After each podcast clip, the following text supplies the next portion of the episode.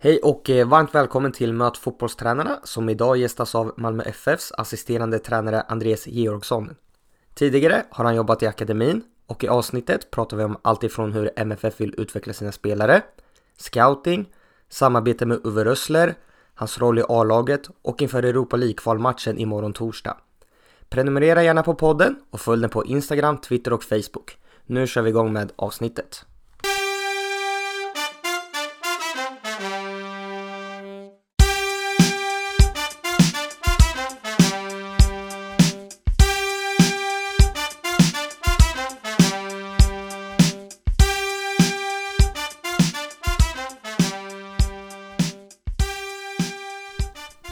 Och eh, varmt välkomna till ett nytt avsnitt. Idag sitter vi hemma hos Andreas Georgsson och spelar in. Hur är läget med dig? Det är mycket bra. Hur mår du idag? Vi, jag mår bra. Det eh, har varit lite höstsommar i Malmö i några dagar men nu tittar solen fram och matcherna kommer tätt så då, då är det roligt. Ni spelade ju mot ÖSK för ett par dagar sedan. Vad tycker du om matchen? Uh, match som man, eh, när jag gick ifrån matchen var lite besviken över liksom hur, hur uh, nära vi var att faktiskt tappa poäng. Så bilden direkt efter var lite präglad av att vi sista tio minuterna har det lite kämpigt. Men när jag tittar på matchen idag igen så ser jag att det är faktiskt en match där vi gör väldigt mycket uh, bra, så som vi vill göra det. Så att egentligen ganska nöjd med det. Uh, där finns lite bitar att, att slipa på för oss, absolut. men vi är ganska nöjda. På torsdag spelar ni Europa League-kval. Hur ser uppladdningen ut inför den matchen? Det ser ut egentligen som, som alla matcher. Vi har en väldigt eh, formaliserad eh, arbetsgång inför matcher. Så det gör egentligen ingen skillnad om vi möter Berlin, eller Chelsea eller, eller Örebro. Utan eh, förberedelserna är, är samma. Eh, lite beroende på hur tätt matcherna kommer kan vi justera lite i hur, vad vi gör sista dagarna. Men, men det är som vanligt med med jobb i, med spelidén, med jobb med motståndare, eh, påverkan då hur de kommer att agera. Eh, och sen så tills vi får ett så bra resultat och en så bra prestation som möjligt med oss. Hur ser motståndarna ut? Vad kan man förvänta sig för matchbild som åskådare? Um, nej men det är, ett, det är ju ett brittiskt lag och de, om man säger det finns en typisk, lite i alla fall uh, traditionell bild av vad brittisk fotboll var så tror jag att det är ett lag som faller rätt väl in. Att tar inte så stora risker med bollen och sätter gärna upp bollen till sina forwards ganska tidigt. Eh, två stora starka killar eh, där uppe eh, som säkert kan skapa lite bekymmer om de får, får fritt spelrum. Så det kommer vi nog vara, vara förberedda på. Att det blir en del duellspel och en del huvudspel att försvara. Och sen när vi har bollen så såklart försöka komma så nära våra styrkor och utnyttja dem så mycket som möjligt. Vad blir viktigt för er tränare att trycka på de här träningarna innan nu? Ja, men jag tror just att vara beredda på det här fysiska spelet, för det kommer vi inte komma undan. De kommer nog att sparka från insparkar och frisparkar från ganska stor del av planen och sätta in bollar så långt in mot vårt mål som möjligt. Så den kampen går knappt att undvika. Eh, så den måste vi vara beredda på. Och sen viktigt att vi då inte, det är inte så vår, eh, vårt lag presterar bäst om vi skulle hamna i en liknande, ett liknande spel, utan vi behöver spela det spelet vi är bra på. Det som är vägvinnande i Allsvenskan också.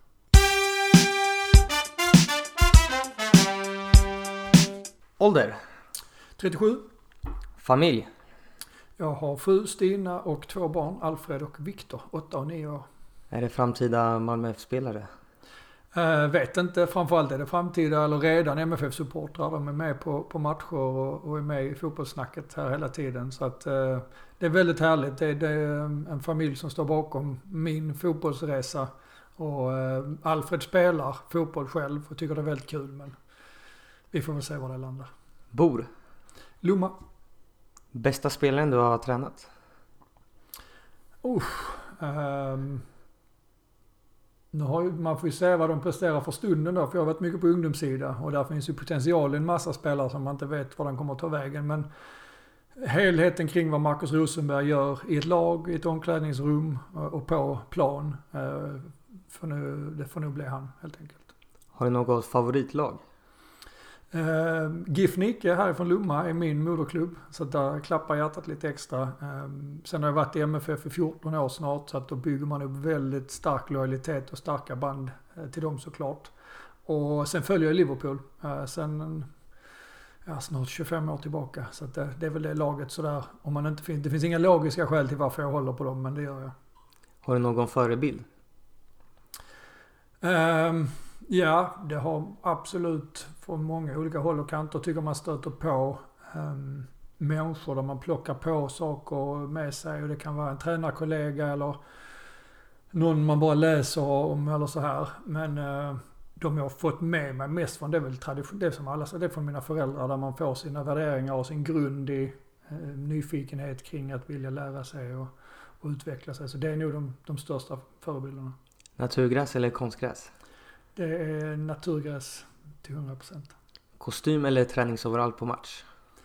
Eh, jag har ju aldrig testat kostym. För jag kan inte riktigt svara på det. Jag gillar på ett, jag har alltid haft träningsoverall som jag alltid varit på ungdomssidan och nu varit assisterande tränare. Eh, jag kan gilla att man byter skepnad lite på en matchdag. För att eh, det är, en, en, en fin dag och en dag där man ska, där man gärna får visa varandra tycker jag att idag är lite speciellt. Om det hade varit kostym eller något annat klädesplagg eller om det skulle vara en träningsoverall, det vet jag faktiskt inte. Men jag har förståelse för de som gör både och. Vad gör du på matchdag? Um, samma där, väldigt lika rutiner alltid. När vi spelar, jag tycker det är väldigt skönt att komma ut och springa på morgonen. Uh, och så rensa hjärnan lite men också få röra sig och den energin och kicken det ger och lite lugn mentalt tycker jag.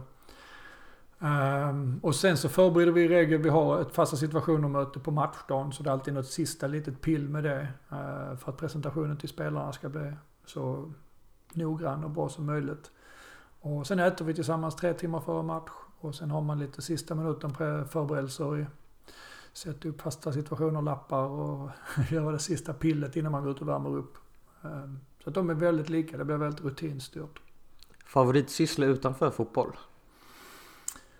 Um, det är eh, att hänga med barnen och frun, absolut. Det är där, man, det är där jag samlar energi och, och får koppla bort fotbollen. Det blir eh, tränaryrket för en person som mig i alla fall som är väldigt passionerad i det blir ju att man jobbar och tänker mycket fotboll många timmar kring dygnet. Så då skär man bort mycket andra saker i livet. Men familjen vill jag hela tiden premiera så mycket det bara går. Så då blir det mest andra tiden till det.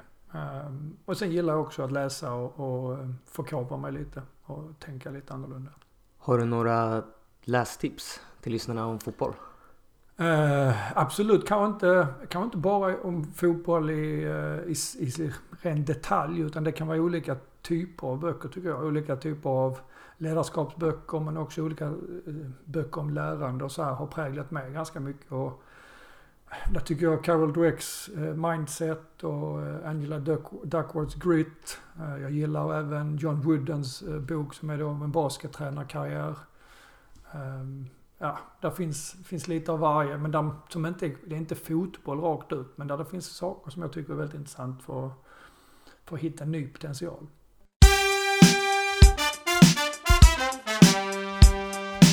Hur kom det sig att eh, du ville bli fotbollstränare?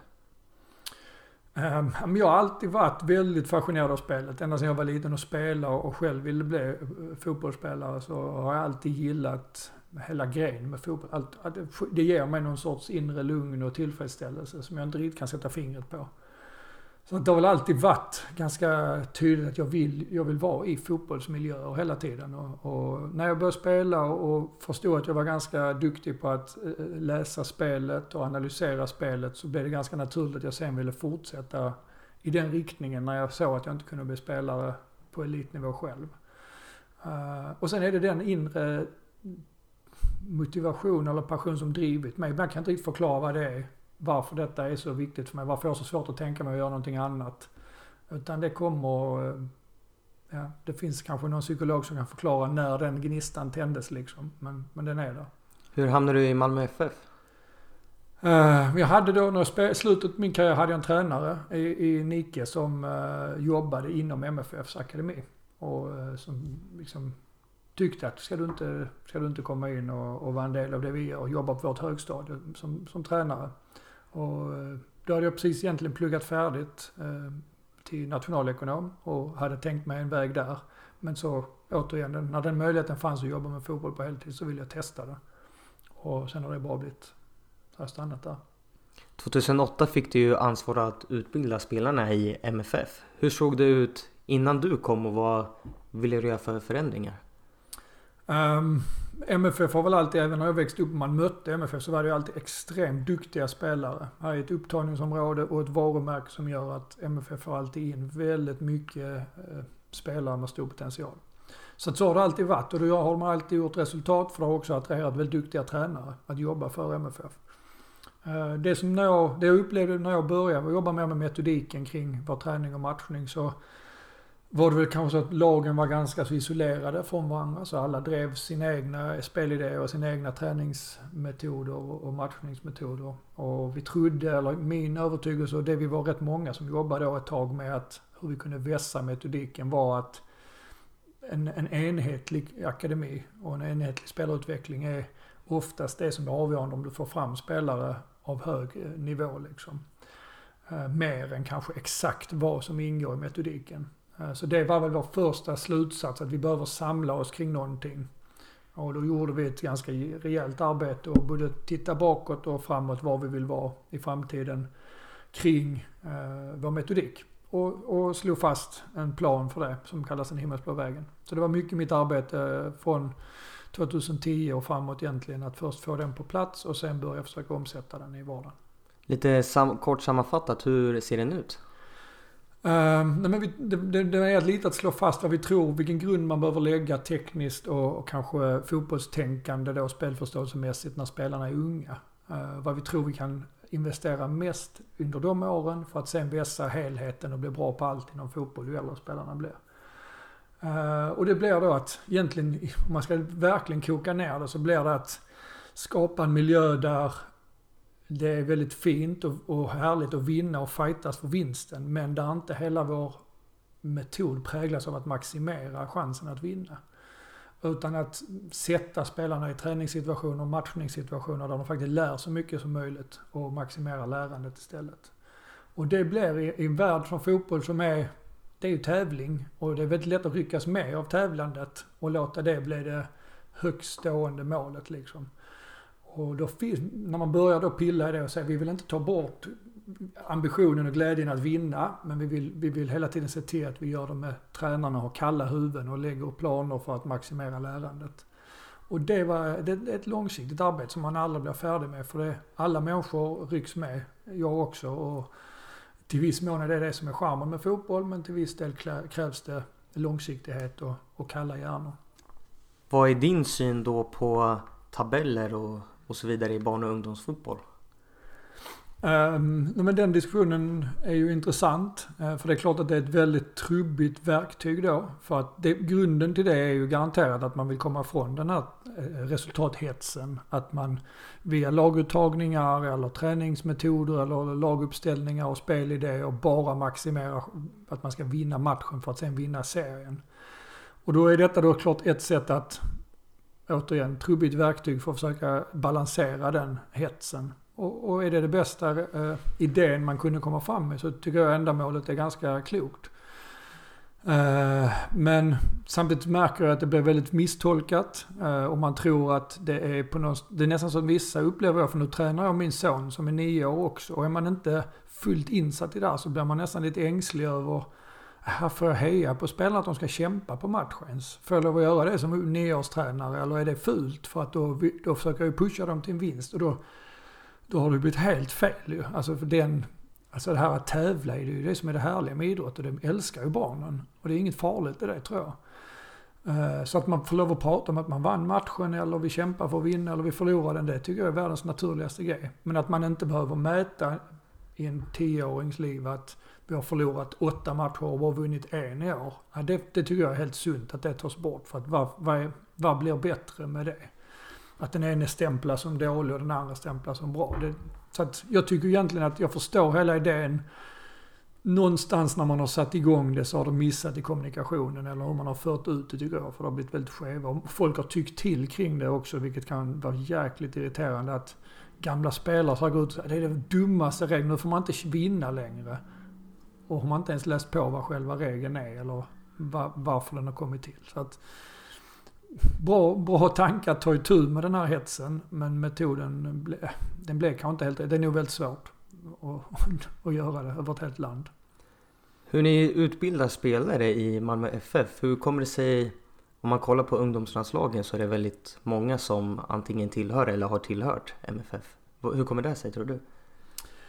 Det är klart man vill, man vill ju svara att det är bara för att vi gör allting så jäkla bra och allting rätt. Men jag tror återigen den första punkten och den största förklaringen till det, det är att vi får in väldigt duktiga spelare och tränare i vår verksamhet. Tack vare vårt värdemärke, eller vårt, eh, vårt varumärke men också vår eh, attraktionskraft då och eh, vår, vårt upptagningsområde. Så det är nog den stora förklaringen. Men sen klart att vi driver också den här linjen nu sedan sju år tillbaka att utveckla spelare som faktiskt ska nå en skicklighetsnivå med metoder som vi tycker är ganska annorlunda från många andra klubbar som blir väldigt resultatmaximerande.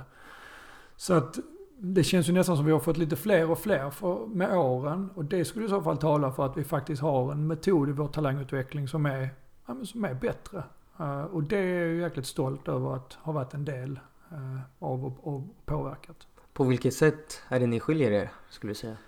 Nej, men jag skulle säga, och det, en del i det, det är inte så himla lätt för klubbar heller för att det är klart att man vill spela i de högsta ungdomsserierna, U17 och U19, därför man vet att gör man det så, så försöker inte spelarna byta klubb till andra miljöer som de tycker är bättre, utan då får de spela i högsta serien. Det är en viss status i det.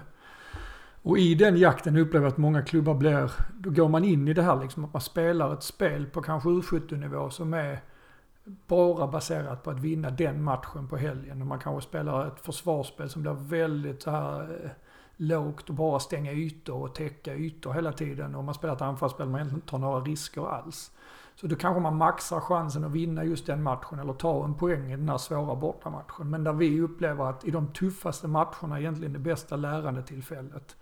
Och ska jag då utveckla till exempel min, min speluppbyggnad och mitt beslutsfattande och min teknik så kan jag inte så fort det blir svårt ge upp och inte försöka det momentet jag håller på med. Eh, det kan vara liksom att det kommer en, eh, en trång situation. Och det är klart den minsta risken är att man bara sparkar upp bollen så högt upp som möjligt i plan. För att då blir det inga misstag på egen planhalva. Men då tror jag också att lärandet, om man gör det konsekvent, så fort man möter en bättre motståndare så blir lärandet väldigt hämmat. Så att det är väl liksom, att föra fram den tanken i fotboll, det stöter på mycket hinder och utmaningar. Så det har vi ju slitit med och kanske blivit bättre och bättre på att förklara varför vi gör det. För att det är inte så att vi vill, att det inte är viktigt för oss att vinna matchen, men vi vill göra det med vår metod. Den himmelsblå vägen, för då tror vi vi får fram de skickligaste spelarna. Är det någonting som du tycker andra klubbar borde ta efter och utveckla? Eh, men jag tror man behöver tänka kring det. Sen är varje miljö unik. Eh, för som sagt, vi, vi, eh, kan få, vi kan få en del frågetecken och lite skit för om vi inte vinner matcher vi borde vinna. Men vi åker inte ur den serien för vi har så bra spelare. Och vi gör ofta bra resultat. Så våra, och våra spelare byter inte klubb särskilt ofta. Utan är de hos oss så vill de gärna vara kvar. Så för oss är det kanske lätt att säga att det, men det är bara att ställa upp och spela den mest utvecklande fotbollen. Men för en klubb som kanske Eh, om de förlorar tre matcher åker de ur den serien och då tappar de halva sin trupp. Eh, och då var alla de bästa spelarna som de skulle flytta upp i A-laget tre år senare, och då försvinner de. Ja, det är inte så lätt för, för dem att driva ett, ett spel som bara handlar om utveckling. De måste ju faktiskt göra lite resultat i sin U17-serie till exempel. Så att det är en jäkla komplex fråga. Och vi är ganska lyck, lyckligt lottade som har en sån eh, lugn miljö faktiskt för våra spelare. Att de försvinner inte bara iväg så fort det kommer lite motgångar. Ehm, så att jag kan inte säga vad alla andra klubbar ska göra. Jag tycker att man ska ungdomstränare på de nivåerna, 15, 16, 17, 18, 19, ska fundera ibland över vad är faktiskt min primära uppgift. Och kanske vara lite kall och inte ryckas med all den jakten på, på, på resultat. I akademin, jobbar ni någonting med de mentala bitarna, utveckla dem hos spelarna? Det gör vi, för detta går inte att göra utan att väldigt tydligt beröra de mentala delarna. För att ska du våga göra de här svåra sakerna i spelet så måste du känna att det finns ett stort utrymme för att det kan gå fel. För att om jag ska testa ribban för mitt kunnande hela tiden så måste jag också slå i taket. Och när jag slår i taket blir det fel. Så att hela miljön måste ju präglas kring att så länge du gör ditt bästa och du anstränger dig och koncentrerar dig så är det misstagen, det är fine, det är bara en del av processen. Och hela där är det är så oerhört mycket psykologi i det. För att det finns ingen fotbollsspelare som tycker det är särskilt kul att göra fel. Och se dum ut på planen. Så man får jobba väldigt aktivt med att skapa en trygg miljö, men också skapa en förståelse för hela den lärandeprocessen. Och det är liksom psykologi i praktiken varje, varje dag vi träffar dem. För att om du en eller två gånger visar ett väldigt dåligt kroppsspråk eller säger någonting till en spelare i fel tillfälle så kan du bryta ner liksom en lång tids jobb med att få upp den här viljan att försöka utmana sig själv och inte rädslan att misslyckas. Hur mycket pratar ni med era spelare om, precis som du sa, att om någon klagar på någon annan på fel sätt eller mm. att man ska komma i tid och sådana här mm. saker utanför planen också. Hur mycket vikt lägger ni vid det? Eh, det är ju det är ju en ut, stor utmaning att vara ungdomstränare. Inte minst hos oss där man förväntas vara väldigt duktig på det och samtidigt ha ett annat jobb och en familj bredvid. Liksom. Så att vi har ju två tränare på åldersgrupp och de ska ju hinna med oerhört mycket. Eh, så att det finns en begränsning för hur mycket de kan hinna med i veckan att faktiskt jobba med varje individs beteenden. Men vi har ju stöd i den himmelska vägen kring vilka beteenden vill vi ha kring förberedelser, ansträngning, lärande. Så att man kan få handfast hjälp med att hjälpa spelarna med rätt beteenden. På plan och på utanför plan. Men, men det är någonting som tar ganska mycket tid. Så att det finns såklart också en förståelse för att man kan inte jobba 100% effektivt med alla de grejerna varje vecka. Men, men ett sätt att tänka som helhet som tränare tror jag och försöka få spelarna att förstå att en bra match kan faktiskt förloras. Och ett dåligt resultat kan faktiskt eh, innebära att man får gjort en bra prestation för att man mötte ett bättre lag. Det är mycket de tankarna man som spelare tror jag behöver hjälp med ibland. Om man ska prata med sina yngre spelare om till exempel deras brister och svagheter, hur tycker du man ska framföra det på ett bra sätt? Men jag tycker att man alltid ska ta sin utgångspunkt i vilka förmågor man har och vilka spetsegenskaper man har. Vad det är som faktiskt gör att man är lite annorlunda och lite unik på ett positivt sätt. Och, och för mig har det alltid varit en utgångspunkt att hur gör vi de grejerna så oerhört vassa vi kan. För det kommer vara en spelares edge och, och det som är levebrödet om man ska leva på fotboll. Eh, men sen försöka få dem att förstå, för det är ofta det med unga spelare att de måste förstå helheten av spelet. Att det hjälper faktiskt inte att vara riktigt, riktigt spetsig på en sak om du har för stora luckor i din förmå- dina andra förmågor. Ofta är du kanske det.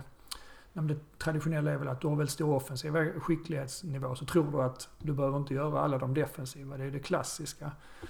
Och kanske framförallt då, och det blir mer och mer upplever att man blir väldigt hyllad då för sina tillgångar av föräldrar, av kompisar, av agenter, av lands, med hjälp av landslagsuttagningar och så här. Så det är lätt att man börjar tro på myten om sig själv, att jag är redan färdig. Och där finns hela tiden, tycker jag, inte minst för oss som har då så mycket ungdomslandslagsspelare och spelare som tidigt får uppmärksamhet på olika vis, att det är jättepositivt. Men att få dem att förstå att lärandet pågår liksom upp till de slutar spela fotboll. Och det är hela tiden nya bitar som måste på plats för att klara nästa nivå och nästa utmaning. Så där upplever jag att när jag jobbat som ungdomstränare och, och ledare, att där lägger man väldigt mycket tid och kraft på att prata med spelarna om alla de fina egenskaperna och berömma och hjälpa och fila till dem. Men också hela tiden få dem att förstå helheten. Och nu är vi här, vi är 15 år. Vad ska du bli bättre på när du är 16, och 17, och 18 och 19?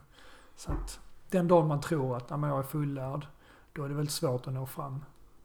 Hur viktigt är det att ni låter era spelare jobba med som du nämnde att en anfallare, att han måste verkligen jobba med sitt försvarsspel för att om han ska spela i Allsvenskan då kommer han behöva göra det. Hur mycket måste ni trycka på det? Nej men ju äldre de blir, alltså från de är nio år gamla så pratar vi väldigt mycket, eller då är det väldigt tydlig signal att alla spelare försvarar. Det är egentligen den enda defensiva instruktionen vi har upp till de är 12 år. Att alla hugger i och hjälps åt för att vinna tillbaka bollen så fort som möjligt. Så själva mentaliteten kring försvarsspel väldigt generellt. Den vill vi pränta in tidigt. Sen detaljerna och, och, metodiken i försvarsspelet, den har vi inte så lika bråttom med. Bara man visar attityden att det är väldigt viktigt att hjälpa till alla försvara.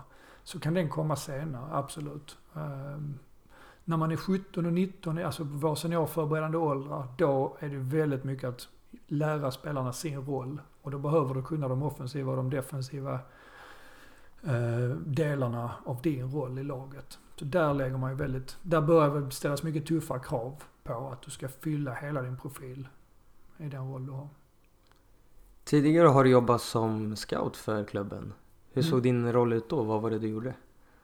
Uh, nej men det var egentligen likt metodiken kring träning och match, så är metodiken kring scouting vårt tredje ben på ungdomssidan. Så är det liksom att lära sig att se egentligen potential och inte förmågor för stunden. För det är väl det är den vanligaste, framförallt på ungdomssidan är det ju väldigt eh, komplext att värdera spelare. För att det är lätt, väldigt lätt att titta på vem som är bäst just nu. Det kan nästan vem som helst göra. Du behöver inte ha någon större fotbollsbakgrund för att titta på en ungdomsmatch och se att de här tre spelarna sticker ut bra.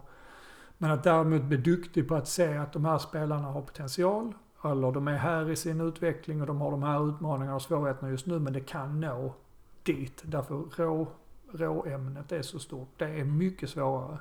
Och kräver mycket större ödmjukhet. Därför att det är väldigt mass Ibland tror man att man har rätt och så har man fel. Väldigt ofta är det så.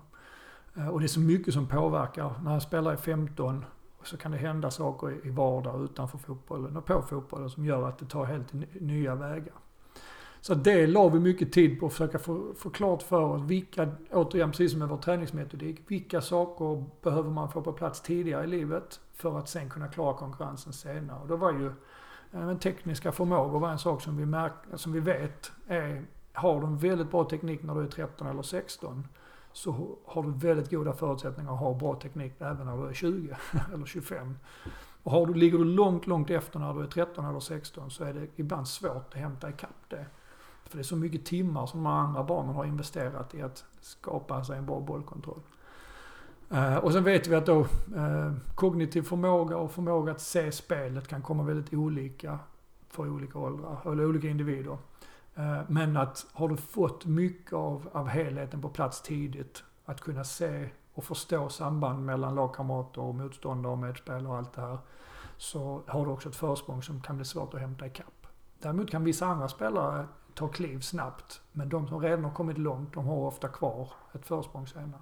Hur mycket värderar ni fysisk mognad? Nej, och där, blev det ju, där handlar det om att förstå det här med relative age. Eh, att en 12-åring och en annan 12-åring, eller en 15 och en 15 ligger så oerhört olika i, i både social utveckling, kognitiv och fysisk.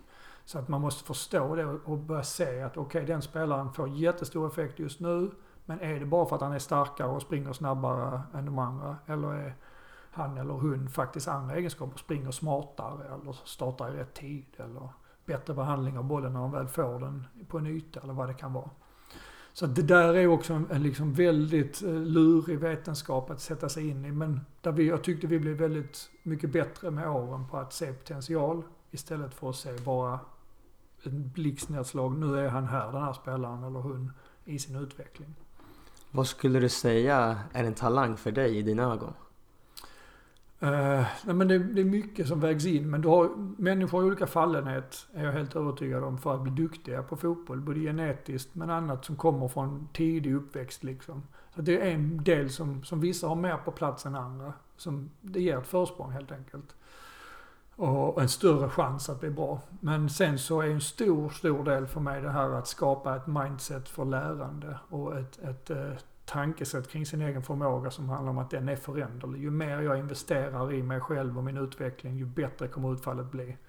Så att visst, en stor del är given när de kommer in till oss när de är 9 eller 13 eller 16. För det präglas av vad de har gjort tidigare i livet. Men kan vi sen forma och hjälpa spelarna att landa i ett tankesätt kring sin egen utveckling som är att det kan växa, växa, växa ända till de slutar spela då, den andra delen tror jag av att förverkliga talang eller potential, att då kan det bära väldigt långt. Och det är därför vissa spelare som inte är så bra i början springer förbi de här ungdomsstjärnorna sen. För de har utvecklat det sinnet mer av naturen. Hur jobbar eh, Malmö FF med skolor? Vi har ju ett samarbete som är nästan unikt skulle jag säga. Med, nu har vi 13, eh, tror jag det är nu, för det växer hela tiden. Och nu har jag varit på A-lagssidan i två år. Men jag tror det är 13 högstadieskolor runt om i Skåne som, som är under vårt paraply, om man ska säga, som använder vår eh, kursplan och vår metodik och, och så här i träning på skoltid. Tre eller fyra gånger i veckan. Så där får vi ett upptagningsområde för spelare och tränare och, och en mängd träning som är helt unikt ju. Eh, över hela Skåne. Och sen har vi två fotbollsgymnasier i stan som tränar på stadion. Så där är vi väldigt nära och det är vårt sätt att då träna väldigt många spelare. Så det är vår bredd där får vi ett bred eh, grupp spelare att vi sen kan plocka ifrån och försöka få fram till vårt A-lag. Tror du man kan bli bättre på att utnyttja fotbollsprofilerna runt om i hela Sverige? Ja, absolut. Där har du ju... Eh, det är också... Eh, det, är, det är klart, det är väldigt mycket träningar och det, spelarna ska liksom eh, orka med och de ska tycka det är roligt. Så det blir alltid en balans hur, vad man ska göra med alla de där timmarna. Men där, där eh, för det, det, är inte så lätt. Vissa spelare kommer in och så ska man gå tre år på högstadiet och spela. För det låter ju fantastiskt där i sexan när man söker sin plats. Men sen när man ska stå där i januari i början på nionde klass. Eller mitten på nionde klass så kanske man inte tycker det är lika roligt att gå ut på en kall konstgräsplan fyra dagar i veckan. Så det är ju mycket tror jag som ledare att stimulera intresset och göra det roligt. Men samtidigt lära dem så mycket som möjligt. Hur tuff är konkurrensen med eh, andra klubbar här i Skåne när det gäller rekrytering till både era lag och till era skolor? Uh, nej men där tycker jag vi har väldigt lyxigt. Vi, det är många, många, många som söker. Säkert 200 barn till vår egen. Vi har en uh, högstadiegrupp på stadion. Så där är det ju väldigt många sökande och det gör att vår pool av spelare blir väldigt bra från början. Um, så nej, jag skulle inte säga att den är sådär jättestor. Helsingborg har ju också en bra verksamhet såklart och de rekryterar från Helsingborgs stad och den närmsta omnejden. Men resten av Skåne upplever att vi har väldigt stor attraktionskraft bland både spelare och ledare. Med den här stora attraktionskraften som ni har, men hur kommer det sig att ni bara har valt att ha ett lag per årskull? Eh, det beslutet är, togs innan jag började egentligen och sen har vi såklart funderat och bollat fram och tillbaka om vi bör vara en bredare och större förening och, och det är inte säkert att det är hugget i sten för all framtid men värderingen har gjorts då att vi tror det är bra att det finns många duktiga Malmöklubbar och vi har väldigt velat trycka på att det inte är viktigt att komma in till MFFs ungdomslag i låg ålder och bara spela med de bästa hela tiden. Utan vi tror det är rätt så bra att man växer i olika miljöer som passar ens profil eller personlighet och man får mycket ansvar då om man är, om man är duktig och tidigt utvecklad i massa olika klubbar. Eh, och sen när dagen är kommen att man behöver mer stimulans så kan man komma in till vår verksamhet. Så vi har inte sett något riktigt, mycket tack vare skolan skulle jag säga. Vi har inte sett något behov av att få in dem tidigt därför att vi har kunnat träffa dem och lära känna dem och påverka deras utveckling med hjälp av all skolträning. När du jobbade i akademin, hur såg eh, dina träningar ut? Vad tyckte du var viktigt för spelarna att få öva på? Uh, det har ju förändrats mycket såklart genom åren. Jag var ju väldigt eh, grön och hade inte så bra koll på vad, vad en bra ungdomsträning var när jag började. Men sen har jag fått lära känna duktiga personer som har mer erfarenhet av ungdomsträning än mig. Och inte minst i arbetet med Himmelsblå och sen när vi omsatte den och, och anställde en metodikansvarig, Jocke Nilsson, som är liksom briljant på att skapa en bra miljö för unga spelare. Så lärde jag mig massor kring att de här grejerna tror jag är viktiga. Eh, mindre matcholika drillövningar, mer matchlika miljöer där du får fatta beslut och ta in information samtidigt som du ska skydda och vara duktig med bollen. Eh, ska man koka ner det någonting skulle jag säga att det är den riktningen jag gick under alla de åren. Eh, och i det då hela tiden hitta rätt utmaningsnivå för spelarna. Så att det inte bara sätta ut och spela 7 mot 7 eller 5 mot 5 hela tiden utan i det här momentet behöver vi justera ytan eller reglerna eller motståndarna på det här viset för att nå den där magiska stimulansnivån för just den här gruppen. När du var tränare då i akademin, hade ni samma spelidé som A-laget eller hur mycket skilde ni er från eh, dem? Nej, det skulle jag inte säga för att det blir ju MFFs ungdom MFFs ungdomsverksamhet är ju någonting som är beständigt över lång tid. Ledarna byts inte ut så ofta och vi ska leverera spelare på sikt hela tiden. Så vi måste ha en metod, tror vi, som är robust och inte vindkänslig. Så att om vi byter A-lagstränare kan vi inte bara kasta om hela vägen och allting ner. Utan vi har en metod som den gäller över tid. Uh, upp till 16 år är den väldigt uh, tydligt definierad vad man gör. Och sen 17, 19 och A är mer präglat av hela tiden. Vem är tränare i A-laget? Vilket spelsätt är det som just nu? Sen finns det såklart ramar för den anställningen. Men den kan ändå präglas mer av en person eller ett ledarteam. Medan ungdomsverksamheten vill vi att den ska vara eh, liksom enhetlig över tid.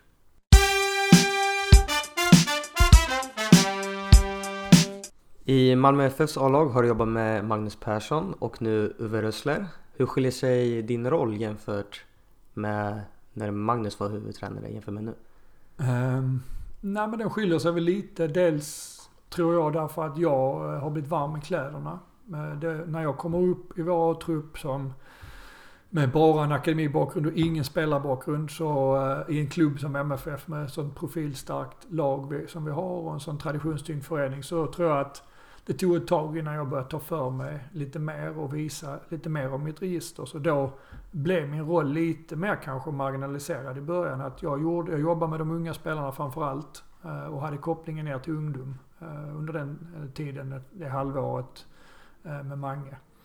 Och när Uwe kom så, så hade han inte så bra koll på min bakgrund. Han tittade mer på min profil och jag hade blivit lite mer varm i kläderna och då involverade han mig mycket mer i träningsplanering, träningsgenomförande, träningsanalys och matchförberedelser och matchgenomförande och matchanalys. Och så, här. så då blev jag mycket mer integrerad i hela processen skulle jag säga.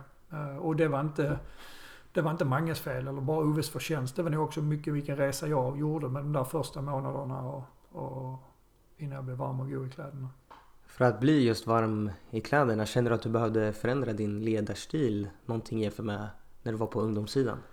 Ja, men det är en intressant fråga för att det, det trodde jag nog aldrig före och jag skulle inte säga att jag gjort brott på mitt, mitt eget ledarskap. Men man, jag har blivit tvungen att inse att eh, det är rätt stor skillnad att prata till en grupp 17-åringar eller 18-åringar eller 15-åringar jämfört med en grupp spelare från 37 års ålder ner till 16. För den är ju såklart mycket mer splittrad i erfarenhet och personlighet och så här.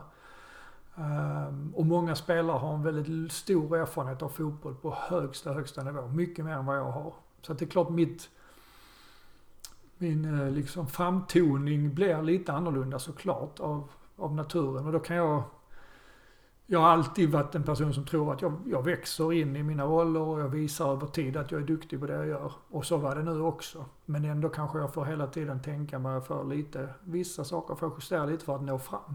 Ehm, och vissa saker får jag tona ner. För det är också viktigt att komma ihåg att min roll nu är att vara assisterande tränare. Den är inte att peka ut riktningen eller välja eh, vår metod för att utvecklas. Utan den är faktiskt att komplettera ett ledarteam och en huvudtränare. Så det har jag också blivit mer och mer liksom trygg i att det här behöver denna samlingen spelare och ledare av mig för att vi ska liksom bli, få en så bra miljö som möjligt. Och då innebär det att vissa delar av min förmåga används mindre och vissa delar används mycket mer. På vilket sätt skulle du säga att du kompletterar Rössler? Hur är er relation? Nej men vi har en väldigt bra relation. Han, det är klart jag, jag, han bygger en del lojalitet från mig bara genom att ge mig mycket ansvar från början. Så det är klart att det, det skapar ett band som blir starkt. Uh, och sen har vi också en relation där han, han är väldigt uh, rak och ganska, han kan vara impulsiv och han kan vara rätt så stark i sin framtoning. Men han gillar också när det är någon som kan problematisera och gå, se emot honom lite emellanåt. Så den, den relationen har vi väl fått lite, att vi kommer från väldigt olika bakgrunder, väldigt olika perspektiv. Eh, och med full respekt så kan han liksom peka ut riktningen, jag kan ifrågasätta den och han kan bli irriterad på mig. Men han kan, han, hela tiden slutar han med att bra. Sluta inte att eh, ifrågasätta och, och komma med alternativa idéer för att det tar oss framåt som grupp. Liksom. Så där kan man väl säga, där har vi en, en väldigt olika bakgrund. Han är faktiskt försatt i vårt ålder för att vinna matcher. Och jag kommer mer från en bakgrund med klubbens långsiktiga utveckling och, och, och helheten. Så det blir lite en dynamik i det som jag tror är bra. Som är bra för honom, är bra för laget och klubben. Just det här med att eh, ni har högt resultatkrav på er utifrån. Ni har ju väldigt många unga talanger mm. som vi pratade om tidigare både i A-truppen och i akademin. Mm. Hur svårt är det att slussa in dem i startelvan? Uh, nej, det är, ju, det är ju en jätteutmaning såklart därför att uh, det kommer så, vi har ju satt oss i en position tack vare väldigt fina resultat. Att förväntningarna kan ibland nästan bli orimliga. För det är fortfarande fotboll 11 mot 11 och du ska vinna matcher mot bra lag. Men förväntningarna både från supportrar och, och från klubben och från oss själv blir att vi ska vinna alltid. Och allting. Och gör man inte det på två helger så är det nästan kris. Och det är klart att det stimulerar inte en vardag där långsiktighet sätts i första rummet. Det säger sig självt och kommer in som huvudtränare från England då, eh, så kanske inte den långsiktigheten blir det första man tänker på för att behålla jobbet. Så att då, den, och då kommer det här med unga spelare in såklart. För det kommer alltid ta längre tid för en ung spelare att börja prestera på en nivå som är tillräcklig. De kommer alltid gå på fler minor i början och lärandet, de har mer kvar att lära. Så att även om vissa unga spelare kan lära sig väldigt fort när de får sina första allsvenska matcher så är det ändå ett gäng prestationer som säkert svajar en hel del. Och då tror jag att ju högre förväntningarna är och ju större pressen är så kan det är klart det är tuffare då. Och i vårt fall när konkurrensen i laget är som den är. Så för att laget ska må bra kan man heller inte ge några frizoner in där du ska få testa på dina första fem allsvenska matcher. För att i ett lag vill alla tävla och bästa laget spelar. Det går inte att, att skapa en annan miljö i, i, i ett omklädningsrum som vårt. Så därför blir det, det är tufft tror jag, att slå igenom som 18-19-åring. För det ska vara tufft. Eh, sen måste vi som klubb tänka på hur vi säkerställer att det både finns plats för en 18-åring som faktiskt är tillräckligt bra, men det finns också plats i vår klubb för en 18-åring som behöver ytterligare tre år innan han är redo att ta platsen i, A-laget. Eh, och där tror vi hela tiden bollar och funderar över hur ska vi göra det? Ska vi låna ut spelare? Ska vi ha en annan miljö där de kan vara där vi har mer kontroll? Ska vi släppa iväg dem och följa dem och sen förhoppningsvis kunna få tillbaks dem? Eh, och där är vi nog inte i mål riktigt med. För att vårt, nivån på vårt A-lag och vår A-trupp har höjts på, på några år nu ganska snabbt. Och innan man allt då kan justera och parera upp det så, så krävs det lite tänkande och lite, lite action.